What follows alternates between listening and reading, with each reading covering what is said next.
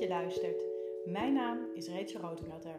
In deze Flow in Organisaties podcast interview ik mensen die werkzaam zijn in verschillende organisaties en in verschillende functies. Hoe creëren zij meer flow in hun werk, team of organisatie? Met de antwoorden op deze vragen weet jij wat je kunt doen om flow mogelijk te maken voor jezelf, je team en de organisatie als geheel. In deze podcast spreek ik Marieke Westra, HR-adviseur bij de Universiteit Wageningen, over ontwikkeling. Wat is het verschil tussen een talent en een kwaliteit? Wat is leren? Hoe belangrijk is je brein in het stimuleren van je kwaliteit? En kun je ook leren door uit het raam te staren? Volgens Marieke en mij is uit het raam staren ook werk, omdat je op zulke momenten reflecteert, oplossingen vindt en creatie ontstaat, doordat je brein in default mode gaat. Leren wordt vaak gekoppeld aan ambitie. In hoeverre is dat van belang voor leren, ambitie hebben? Volgens Marieke is het essentieel om hierover het gesprek om onder andere te kunnen blijven binden en boeien als werkgever. Vragen die centraal staan in zo'n gesprek zijn: wat heb je nodig in jouw werk en in jouw loopbaan en kunnen we dat toepassen? In zulke gesprekken is het vooral belangrijk dat de medewerker ook de veiligheid en openheid voelt om uit te spreken wat hij of zij wil. Wat kan HR doen om talent en kwaliteit te benutten? Waar liggen mogelijkheden en wat zijn de begrenzingen? Zit er een verschil tussen HR businesspartner zijn en HR adviseur? Is het een label rol? Wat is jouw kijk op leren en ontwikkelen? Hoe zie jij de rol van HR? Laat het ons gerust weten. Voor nu, veel luisterplezier.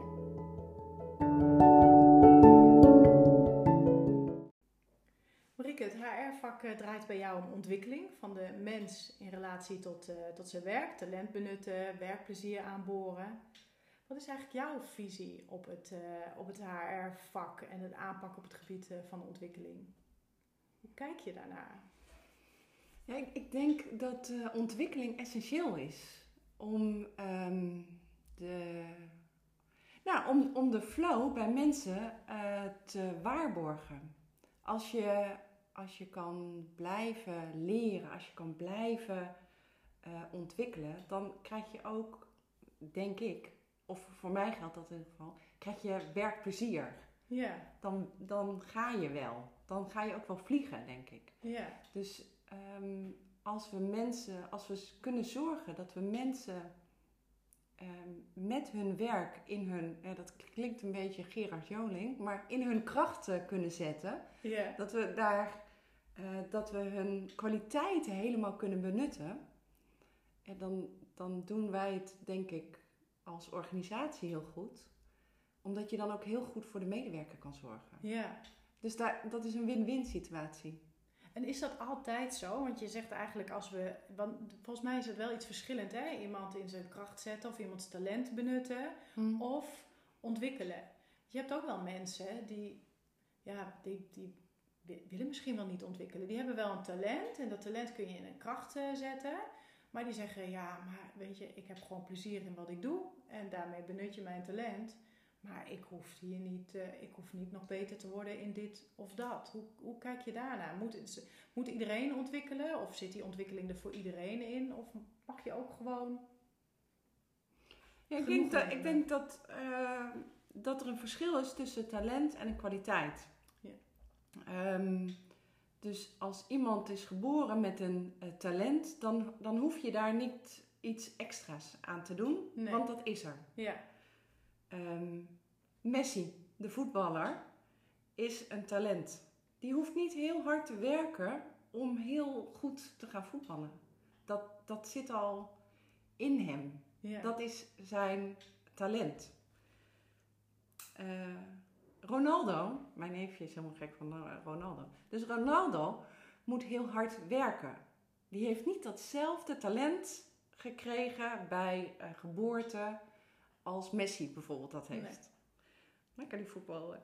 Ja. Um, maar die moet daar hard voor werken. Ja. Dus die moet daar wel effort op inzetten. Ja, die moet oefenen. Die moet oefenen, die moet daar tijd in investeren. Die Ja. moet daar hard voor werken. Om misschien wel datzelfde uh, te krijgen met talent. En ik denk dat vaak in discussies over kwaliteiten en talent, dat die twee Ja. door elkaar uh, lopen. En ik, denk dat dat twee verschillende dingen zijn. Mooi, dus kwaliteit en talent zijn twee verschillende dingen. En je kunt die kwaliteit kun je creëren door te oefenen. Kan je te En oefenen. Door, door, door je te ontwikkelen. Ja, En als je je talent, eh, als je ergens talent eh, voor hebt, dan zeg je dan heb je gewoon minder oefening nodig. Dan, dan gaat het er alleen om dat je dat talent benut Ja. en up-to-date houdt. Misschien. Ja. Dus er zit, er zit en ook misschien wel oefent, maar daar, die noodzaak, de urgentie om echt heel hard te werken om dat naar boven te krijgen, Ja. dat is minder aanwezig. Dat Ja. hoeft niet. Nee, nee, mooi. Ik heb wel eens gehoord dat je zo'n 10.000 uur moet oefenen Ja, om ergens echt heel goed in te worden. 10.000 uur. Ja, 10.000 uur. Ja, dan, maar dan is een bij mij wel meteen de vraag, en wat is dan goed? Ja, Wat krijg, wat krijg je dan na die 10.000 uur? ja. Hoe goed ben je dan? Ik, ik durf niet te zeggen. Ik, heb, eh, Ik denk wel dat het wel tijd helpt natuurlijk om, Ja. om dingen te leren. Ja, Om ja, nieuwe dingen te leren. En dus ook om dingen te verbeteren. ja. Als je dat wil. Want dat was jouw vraag, hè? Ja. Moet iedereen eh, Ja. ook eh, blijven leren? De, de, de vraag is dan ook, wat is dan leren? Mhm. Is ehm, eh, uit het raam staren en een beetje lummelen, is dat ook leren? Ik Ja. denk dat dat leren is. Ja, ik ben het volledig met je eens. Ja, Want uit het raam staren en lummelen, dat, dat doet iets met je brein. Hè? Want Ja. je brein gaat op, je, op de default mode. En de default mode, ja, ik, ik beeld het me altijd maar in. In je, in je brein zitten al je herinneringen, ervaringen en waarnemingen zitten allemaal opgeslagen. Er gebeurt heel veel in ons onderbewustzijn. Want we nemen in ons onderbewustzijn, ik weet niet hoe vaak, eh, eh, meer dingen op dan in ons bewustzijn. Dus op het moment dat je gaat lummelen of eh, uit het raam staren en, en, naar die boom kijken, dan, eh, ja, dan eh, kom je in een soort van rusttoestand. ja. En eh, ik stel je brein maar voor als allemaal deurtjes, lades, kastjes die dan open gaan, waar je brein in gaat graaien en al die herinneringen en ervaringen bij elkaar neemt. En daar zit, daar zit je leervermogen. ja exact. Ja, Ja, dus reflecteren hè, op wat je hebt gedaan, dat is ook leren. Dat Ja. is ook ontwikkelen. Ja. Dat is stilstaan bij wat je eh, gedaan hebt, wat Ja. je bereikt hebt. Of je daar nog blij mee bent, Ja. of je nog verder wil. ja, Dat, ik, dat is denk ik net zo belangrijk, misschien nog wel inderdaad belangrijker, dan ik volg een opleiding of ik doe een... Dat is ook belangrijk, maar ja, het, ik zou graag willen dat daar ook eh, aandacht voor is. ja, ja. En we, die Erik Scherder die heeft ons brein wat meer op de kaart gezet. Ja. Hè? Maar eigenlijk, daar zitten zoveel mogelijkheden in. Eh, en ik denk dat als het gaat om ontwikkelen en leren, dat we daar nog veel te weinig eh, in benutten. Ook in eh, ons, ja, hoe we ons voelen. Want je gedachten zijn heel erg bepalend voor eh, nou ja, je, je, je- hoe je je voelt. Ja. Hè, serotonine is zo'n stofje wat eh, in je brein aangemaakt wordt. Het wordt beïnvloed ook door onze, onze gedachten. Ja. Dus reflecteren, eh, ja, dat betekent ook dat je alles door je gedachten laat gaan. Ehm, dopamine is voor onze motivatie. Is ook zo'n stofje wat, wat, wat dat beïnvloedt. En dan heb je nog glutamaat en dat gaat over onze herinneringen. Eh, en en de- uiteindelijk over ons leervermogen. En ook voor de, over die in- innovatie en die creativiteit die we zo hard eh, nodig hebben. Dus ik ben zelf groot voorstander van lummelen en uit het raam staren. Ja, Maar Ik vind het zelf wel eens lastig om te doen. Jij dan? Kijk, doe jij het heel veel? lastig. Ik geef het heel vaak als advies. Ja. Hè, dat iemand zegt, oh, ik moet, ik moet dit nog. Of ik dan zeg, maar werken is bijvoorbeeld ook uit het raam staren. Dan hoor ik mezelf zeggen en dan denk ik, oh, en wanneer ga ik dan uit het raam staren? Of wanneer ga ik dan even een, een rondje door het bos eh, lopen? Ja. Want dat geef ik wel als advies. Dat is namelijk ook werk. Ja. Rondje door, maar ik ben daar zelf heel slecht in. Om mezelf dat ehm, eh, te gunnen. Ja, Ja. dan gun je het een ander dus eigenlijk meer dan jezelf. Ja, Ja. ja. Terwijl, terwijl hè, waar we het nu over hebben is eigenlijk over ontwikkelen. Waarvan we Exact. zeggen, ja, daar zit je ontwikkeling in. Ja. Ja. Ja, grappig is dat. Ja. Ja. Dus ook mensen die zeggen, eh, ik hoef niet zo nodig te leren en ontwikkelen, dan, zit, dan, dan doen ze dat toch. Maar zit dat in een andere gradatie? Zie je dat zo? Ja, ik denk dat iedereen altijd wel leert. Ja. Het is alleen. Ik denk dat bij leren ook het woord. ehm, eh, als, eh, als mensen zeggen: ik hoef niet zo eh, nodig, verder, hoger, meer. Dat daar ook het woord ambitie bij zit. En dat Mhm. dat ook wel ehm, vaak ervaren wordt als een, een besmet of een vies woord. Of tussen haakjes vies woord. Ja. Hè, de, dan een ambitie naschrijven. Wat wil je dan allemaal? En, Ja, oh, Doe maar rustig. doe- ja, Ja. of doe maar normaal. hè. Dan doen we al gek genoeg. Ja, Ehm, en ik denk dat dat beeld bij veel mensen ook zit. Oh ja, maar die- wil dan hoger of meer. Die wil meer ambitie en Ja. daarvoor leren. Terwijl je ook voor jezelf kan leren. ja, ja. Ja, en, en is het, gaat het ook om leren op het vakgebied wat je hebt? Is een woningcorporatie in, eh, in eh, Arnhem. Jaren geleden was ik daar. Ik weet niet eens of ze dat nog steeds wel doen. Of misschien hebben ze wel ander beleid. Maar daar, ehm, daar mocht je, eh, had je budget, opleidingsbudget. Ja? En het maakte niet uit wat je deed. Dus de- er was geld beschikbaar. En als je, ik noem maar wat, service desk medewerker was, maar je wilde een cursus eh, binnen huisarchitectuur doen of een cursus creatief met planten, ik noem maar wat, eh, dan mocht je dat gewoon gaan doen. Het hoefde niets met dat vakgebied te maken eh, te hebben. En eh, dat vond ik wel een interessant gegeven, want waarom deden ze dat? Is om, eh, ja, nou ja, niet zozeer om grip op te hebben, maar ze zeiden, ja, weet je, dan zijn mensen gemotiveerd om bij ons te blijven werken. Dan blijven ze werkplezier houden, dan komen ze met liefde en plezier naar hun werk. Dat doen ze goed, dan zijn ze klantgericht. Mhm. En intussen doen ze een andere opleiding.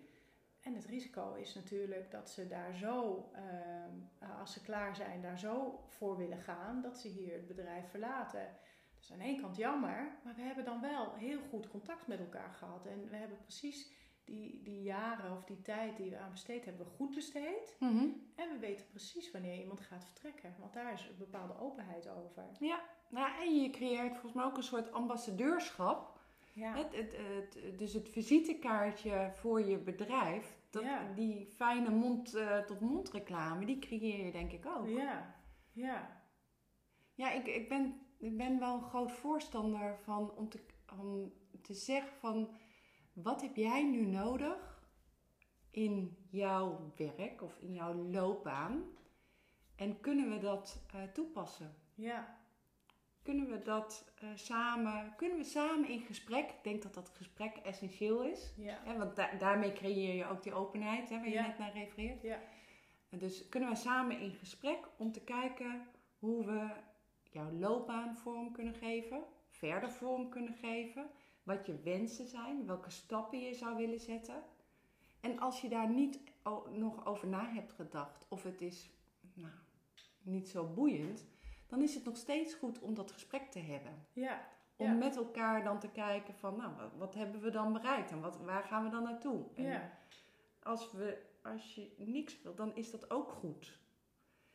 Dus ik... ja. ik- ja, En, en je kunt kijken naar wat het talent van iemand is, hè? Want we, we kijken vaak naar de ontwikkeling van wat hebben we nodig binnen de organisatie. ja. En daar eh, trekken we iemand naartoe. Maar je kunt ook kijken naar, naar het talent van iemand. En wat heeft dat talent eh, de organisatie te bieden? En hoe richten we dat dan in? Exact. En dat is denk ik, ja, dat is volgens mij de sleutel. Ja, Ook in het binden en het boeien eh, van mensen. ja. Absoluut. Eh, wel super uitdagend. Ja. En lastig. Ja. Want dat betekent dat je ehm, de gesprekken moet voeren. Daar moet je dus ook tijd voor hebben. Ja, Ehm, je moet oog hebben eh, voor je medewerkers. Eh, dan moet er ook een openheid en een veiligheid zijn om dan dat te delen. Ja. Eh, en dat is denk ik, misschien is dat nog wel cruciaal. Hè? Als dat er niet is, ja, dan kan je van alles aanbieden. Maar als er geen openheid of veiligheid wordt gevoeld om eh, te zeggen, nou, ik, ik zou eigenlijk wel langzamerhand die kant op willen bewegen. Of ik zou wat meer met dat talent of die kwaliteit voor mij in willen zetten voor de organisatie. Ja. Dan wil je natuurlijk wel zeker weten dat je niet een soort ehm, kruisje of vinkje achter je naam krijgt van, oh die wil wat anders. Ja. Die is al uitgekeken. Ja. ja die veiligheid dat- moet er zijn. Ja. ja. En dat vraagt ook iets van teammanagers. Ja, zeker. Want eh, wat ik veel merk bij bedrijven is dat teammanagers eh, ook inhoudelijk zo eh, betrokken zijn bij alles. En het maakt niet uit bij wat voor type bedrijf hoor. Het, het, het gebeurt overal, maar die zijn zo inhoudelijk bezig. Laten we zeggen, een gokje hoor, zo'n 75% en 25% met het managen of leiding geven of het coachen van de medewerkers. Mhm. En volgens mij hoort het precies andersom eh, te zijn. Ja, Want dan heb je aandacht voor het, eh, voor het eh, talent van mensen. En dan haal je het beste uit mensen. Krijg je meer flow. En uiteindelijk ook een betere productiviteit. Meer innovatie, betere klantgerichtheid, minder verzuim. ja. Dus het, het kost geld, want die manager is dan niet inhoudelijk bezig. Maar uiteindelijk heel veel geld op. En volgens mij, nou niet volgens mij, dat weet ik zeker, onderaan de streep veel meer. Ja. Want wat kost het als mensen gaan verzuimen? Wat kost het als mensen niet optimaal productief zijn? En als je dat omhoog haalt, Ja. ja daar, daar zijn de, de kosten voor het managen zijn daar, zijn daar niets bij eh, vergeleken. Nee, eh, nee, helemaal, ja. En waarom blijven we dat dan toch doen hè, binnen organisaties? Want volgens mij weten heel veel mensen dat wel. Dat vraag ik me soms af. Of heel veel mensen dat eh, weten. Ja, Misschien wel. ehm, ik, ik denk dat dat organisatie verschillend is. Dus als dat inderdaad wordt uitgedragen binnen organisatie A, dan zal dat al wel wat meer in de haarvaat of in de DNA van, dat, van die organisatie zitten. Versus als je kijkt naar een andere organisatie die dat veel minder heeft, eh, waar misschien wel management als een soort corvée-taak eh, wordt eh, ervaren, dan, dan hou je dat ook in stand. Dan wordt dat ook Ja. lastig als dat nog niet in die haarvaten zit Ja. van die organisatie om Ja. dat om te draaien. Dan, dan heb je weer die veiligheid en die ruimte eh, nodig om te kunnen experimenteren. ja. En ook een beetje tegen de gevestigde orde aan te schoppen. Ja, Maar we, worden, we, zijn ook geconditioneerd en we hebben allerlei patronen. En, en vervolgens schop je misschien wel ergens tegenaan en dan vind je wel iets, maar je gaat ook weer terug naar de waan van de dag. Is dat niet ook een, een groot risico wat we daarmee lopen? Dat we het misschien stiekem wel weten, ja. maar dat we allemaal zo druk zijn en Ja. zo weinig tijd nemen om dan naar buiten te staren en te reflecteren, dat we zo weer opgeslokt worden door de waan van de Ja, wij houden elkaar natuurlijk ook wel gevangen in die Ja. red race eh, van dit moet en dat moet en dit beter. En nou we houden elkaar ook gevangen, absoluut. Ja, Eh, en ik denk dat met ruimte en met aandacht, ik denk ook aandacht essentieel. Met ruimte en aandacht kan je dat, kan je die werkdruk eh, ver- eh, eh, verlagen. Kan je zorgen dat je, als je tijd hebt om te reflecteren, dan heb je ook weer tijd voor creativiteit. Ja. Als je tijd hebt voor creativiteit, dan kan je ook weer innoveren. Kan je weer nieuwe gedachten toelaten om te Ja. kijken van, oh, wat ga ik dan doen? Dan krijg je misschien ook wel letterlijk ruimte om te, om te ademen. Ja. Dat doet ook wat met je zelfvertrouwen. Dat geeft een boost. Dat kan niet anders. Ja, Als jij, en, en dat heeft weer tot gevolg, als jij je lekker in je vel voelt, dat je misschien ook wel die dialoog aan kan gaan over werkdruk. Ja. Over je kwaliteiten inzetten. Maar daar moet je wel stevig voor je, in je schoenen staan. Ja. Want je gaat ook iets vragen, of je gaat het gesprek aan over jezelf. Absoluut. Dus En die ruimte, superspannend. tijd, ja, dat is super Ja. spannend. Dus de ruimte en tijd is denk ik essentieel voor een ieder. Ja, ja. En waarom creëren we dat dan niet? Hè? Dat is echt iets, iets maatschappelijks eh, ook. Ja, maar ik denk dat we elkaar zelf, dat we elkaar allemaal een beetje zo in die tang eh, houden. Ik denk Ja. dat het ook lastig is. ehm, als ik naar mezelf kijk, ik wil niet verzaken. Ik heb een opdracht, dus die opdracht die ga ik ook uitvoeren. Ja, Ehm, en dat niet willen verzaken, dat zit heel erg in mij. Maar goed, dat is een belemmerende overtuiging voor mij. Als ik daar Ja. dan op, als ik dat weet, kan ik daarop handelen. Maar dat zit wel heel diep in mij. Dus dat, ik heb wel heel veel tijd nodig om een nieuw geitenpaadje te lopen. Ja, ja. Om nieuwe eh, dingen te, eh, te, te leren, om anders absoluut. te handelen. Ja, ja. Wat zouden we dan in het HR-vak daarin anders eh, kunnen doen? Zie je, daar, zie je daar kansen? Want we hebben natuurlijk als HR-adviseurs of HR-businesspartners... hebben we daar natuurlijk een, een bepaalde rol in... die we ook maatschappelijk kunnen dragen. Ehm, en tegelijk denk ik, ja, het is ook wel heel moeilijk. Want als we gaan kijken naar de werkdruk... of de werkdrukbeleving is het ook vaak... Het kan ook werkdruk zijn hoor, maar in 9 van de 10 keer is het ook een werkdrukbeleving. We hebben het Je hebt werkdruk ook nodig, hè? Zonder Absoluut. werkdruk komt er niks. Nee, en, en eh, het is ook een stimulans. Het is deadlines stellen, doelen stellen, die opknippen in stukjes. En dat maakt ook dat je je kunt focussen en concentreren, dat je vooruit gaat, dat je flow ervaart. Ja, Ehm, maar eh, we beleven dat allemaal anders. Kijk, de een kan eh, een, een berg werk voor zich zien en die denkt: Oh, hoe ga ik dit voor elkaar krijgen? En die raakt in een soort van eh, paniek of in een, in een niet-flow-stand, de Ja. kramp, niet innovatief, niet efficiënt. Eh, terwijl een ander eh, zegt: eh, Nou, als ik me even kwaad maak, dan pak ik het zo en zo aan. Die bekijkt dat even van een afstandje en het is, het is weg. Dus het gaat ook heel erg om de beleving. Als we kijken wat er in de maatschappij allemaal gebeurt, waar ook heel veel zorgen zijn, Mhm. kunnen we daar als managers of als organisaties of HR-adviseur of HR-businesspartner, hebben we daar een rol in? Kunnen we daar iets in doen? En zo ja, wat? Oh, wat een, wat een moeilijke, maar mooie vraag. Ja, het is, volgens mij is het namelijk heel lastig, want ook daarin loop je tot bepaalde begrenzingen aan. En waar bemoei je je wel mee en waar bemoei je je niet mee? Ja, en, eh, en het gaat ook over gedrag van mensen. Ja, En ehm, eh, so- eh, so- eh, het gedrag van mensen, is, dat, dat zit in hen. Dat kan je Ja. ook niet eh, veranderen. Je kan wel misschien mensen bewust laten worden hoe zij met hun gedrag op anderen overkomen. ja, Maar het gedrag aan zich aanpakken, volgens mij heeft iedereen een voorkeur voor gedrag. ja, ja. Eh, dus eh, om op jouw vraag terug te komen, dat, je kan dat volgens mij niet in een mal eh, vangen. Nee, Dus dan moet je het gesprek aangaan ja. over wat, wat willen we dan? Welk gedrag willen we dan wel zien?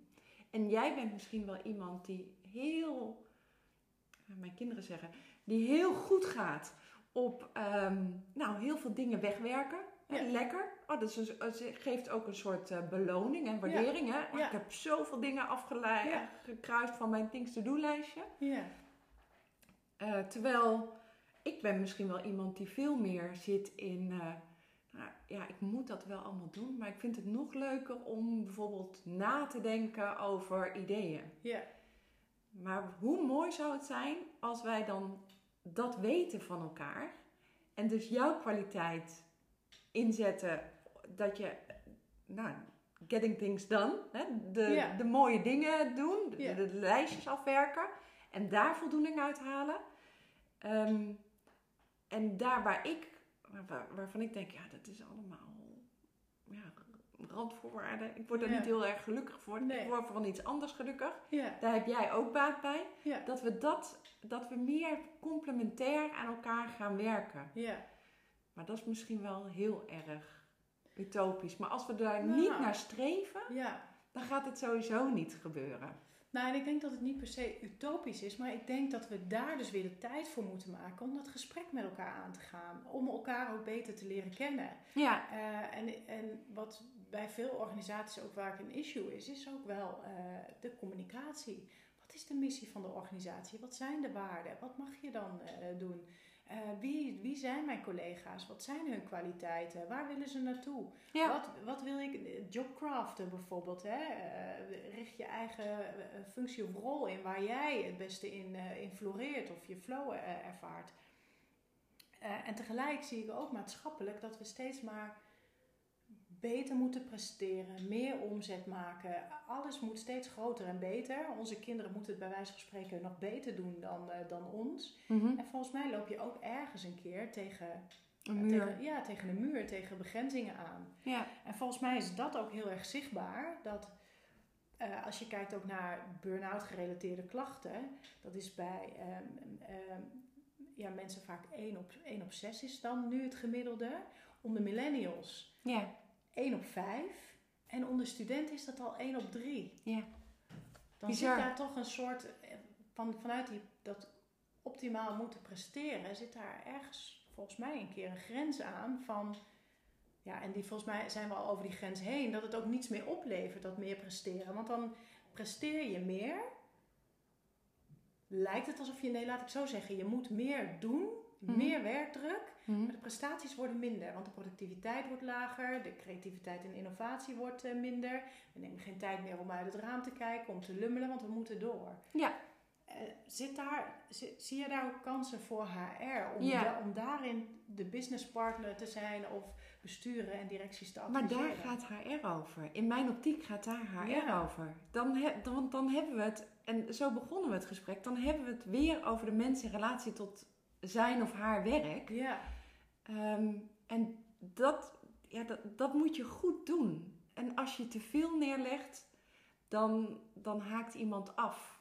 En dan ben je weer dan ben je iemand kwijt. Dan moet je weer iemand werven. Daar komt ook weer werkdruk eh, bij kijken. ja, Als je kan zorgen dat je iemand hebt zitten die. ehm, en niet altijd is altijd alles leuk. Hè? Er zitten natuurlijk ook. eh, en niet elke baan heeft alleen maar 100% superleuke, interessante. Je moet ook gewoon de administratie doen of Ja. een mail lezen. Of, Ja. nou, en volgens mij weet iedereen dat en wil iedereen ook wel die minder leuke dingen erbij. Exact. Het hoort erbij. ja, Ja, maar als je eh, constant daar tegenaan schurkt. Hè, tegen, oh nee, weer die mail. ja, Oh, of, het, of het voelt weer als een, de maandag na de vakantie. En die maandag na de vakantie die blijft maar heel lang eh, duren. Ehm, dan ga- loop je daar op stuk. ja, En dan ga je dus ook om je heen kijken.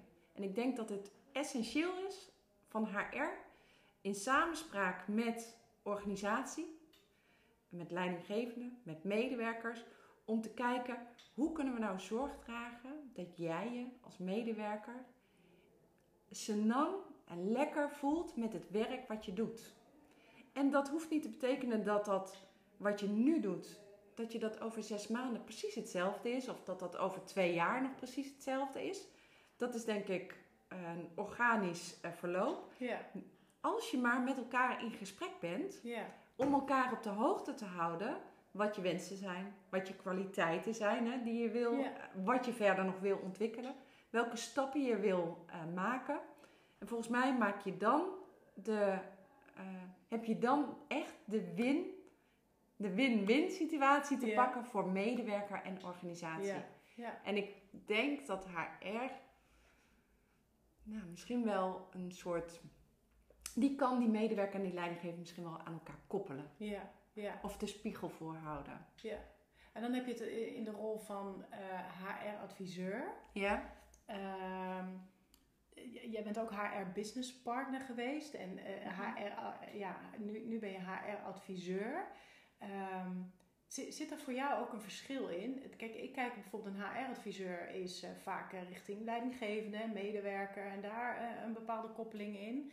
Een HR-business partner zie ik als echt partner voor de, voor de business, voor de directie en het bestuur. Om ook te Meer laten zien- bedrijfsmatig? meer bedrijfsmatig. Wat zie je terug in, ook in de, in de jaarrekening? Ja. En ik, ik geloof er ook in dat als je directies en besturen kunt overtuigen, want daar zit ook eh, uiteindelijk vaak de beslissingsbevoegdheid. Als je die kunt overtuigen of kunt laten zien dat als je daar meer aandacht aan besteedt, Mhm. dat het uiteindelijk dat je dat in de jaarrekening terugziet. Dat je Ja. onderaan de streep gewoon meer overhoudt, omdat je productiviteit omhoog gaat, het verzuim omlaag.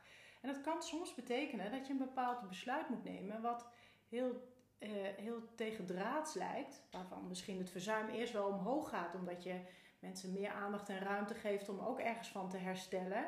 Maar dat aan de andere kant de productiviteit fors omhoog schiet, meer innovatie en dat er onderaan de streep meer overblijft. Ja, nee, eens. Alleen, ja, ik vind het. Ik vind het altijd. Wat je zegt, ben ik het helemaal mee eens. Ja, Ehm, maar het is.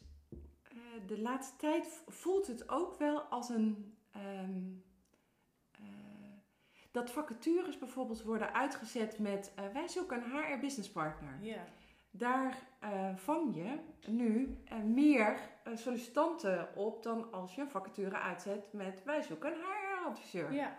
ja. Maar als je gaat kijken wat er dan beschreven staat in die vacature, dan, nou, dan zit daar weinig verschil in. Daar zit Ja. niet die bedrijfsmatige kant die jij net eh, beschrijft in. Ja. Dus dan gebruiken we het ook enkel als een label. En ja, ik heb inderdaad Ja. als... eh, ehm, op mijn cv staat inderdaad haar Haar business partner. Klopt. Ehm, Maar is de rol dus blijkbaar, als ik jou goed begrijp, niet, niet super anders dan wat je nu doet bij, eh, bij de Weur? ja, ik, even kijken. Ik was denk ik business partner. Het was ook een ander bedrijf, hè? Ja, het is een ander bedrijf. Ja, Ehm, daar was de rol wel anders. Daar, dat zat eh, inderdaad meer tegen de business aan en ook meer ehm, eh, op strategisch niveau. Hè? Dus eh, hoe krijgen we bijvoorbeeld, als dit uit het strategisch personeelsplan komt, hoe gaan we dan die verschillende scenario's uitwerken? ja, Dus daar zat meer ehm, een, een verandering ook in cultuur zat daarbij. Dus daar zat de, het zwaartekracht. Ehm, m- en hier, ik heb binnen de, de Wageningen Universiteit inderdaad, eh, ben ik HR-adviseur. Maar ja, het is dat jij hem nu erop gooit van zit daar verschil in? Ik, ja, dat is toch ook wel een beetje een label. ja, ja.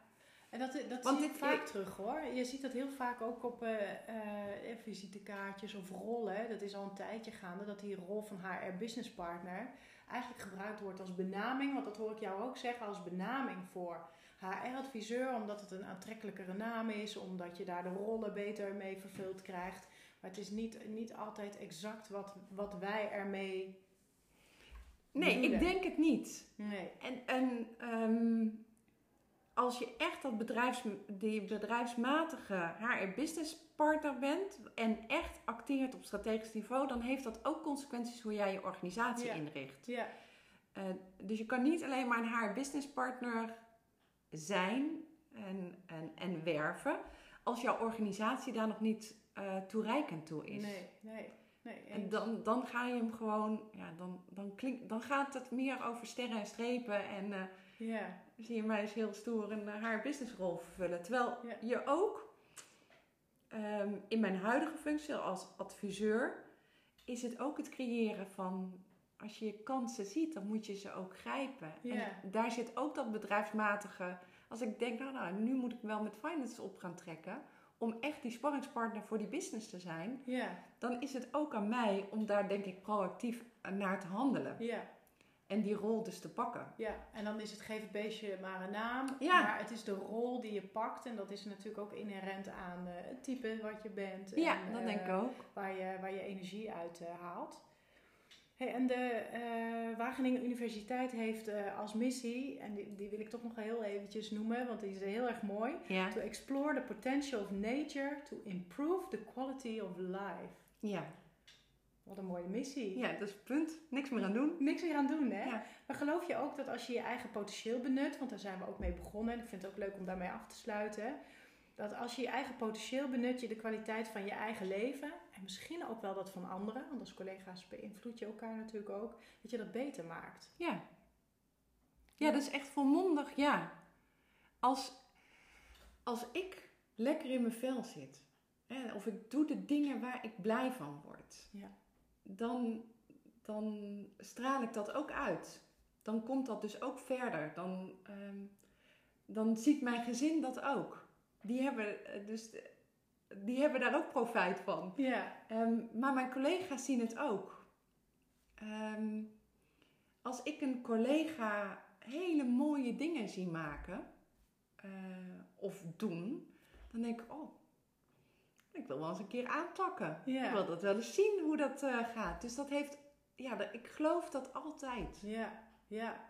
Dus ah, ja, en, ja, ik geloof daar ook in hoor. Want als je het dan bijvoorbeeld zo zou bekijken, dan werkt dat welzijn, dat flow ervaren, dat werkt aanstekelijk. Hè? Ja. Je, krijg, je, je creëert daarmee ook een soort van groep, groepsflow. En daardoor kan eigenlijk, ja, als dat als een eh, vuurtje zeg maar over gaat te vlammen, dan, dan gaat de hele organisatie excelleren. Ja, het Ja. is als, als jij die eh, sprankeling kan vinden, en die zit daarin, Ja, dan kan je volgens mij ook heel makkelijk een sprankeling doorgeven. ja. Ja, En dan, dat is jouw vuurtje waarschijnlijk ook. En dan gaat het lopen. Ja, en dan gaat het stromen. ja. En ik hoor ook de potential of nature in die missie. Ja. En dan zijn we eigenlijk ook weer terug bij talent. Want dat is de potential van je eigen nature, Ja. Van je eigen oorsprong. Ja. En dus het verschil in dat talent en ontwikkeling. Ja. Ja, Messi en Ronaldo. exact. ja. Hey, wat een leuk gesprek, eh, Marieke. Vond leuk ik ook. om jouw visie zo, eh, zo te horen. Dankjewel.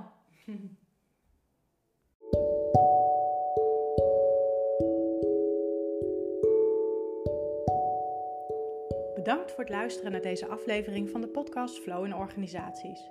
Wil je meer verhalen horen van verschillende professionals over wat zij eraan doen om flow-ervaringen mogelijk te maken voor zichzelf, hun team of organisatie? Abonneer je dan op dit kanaal.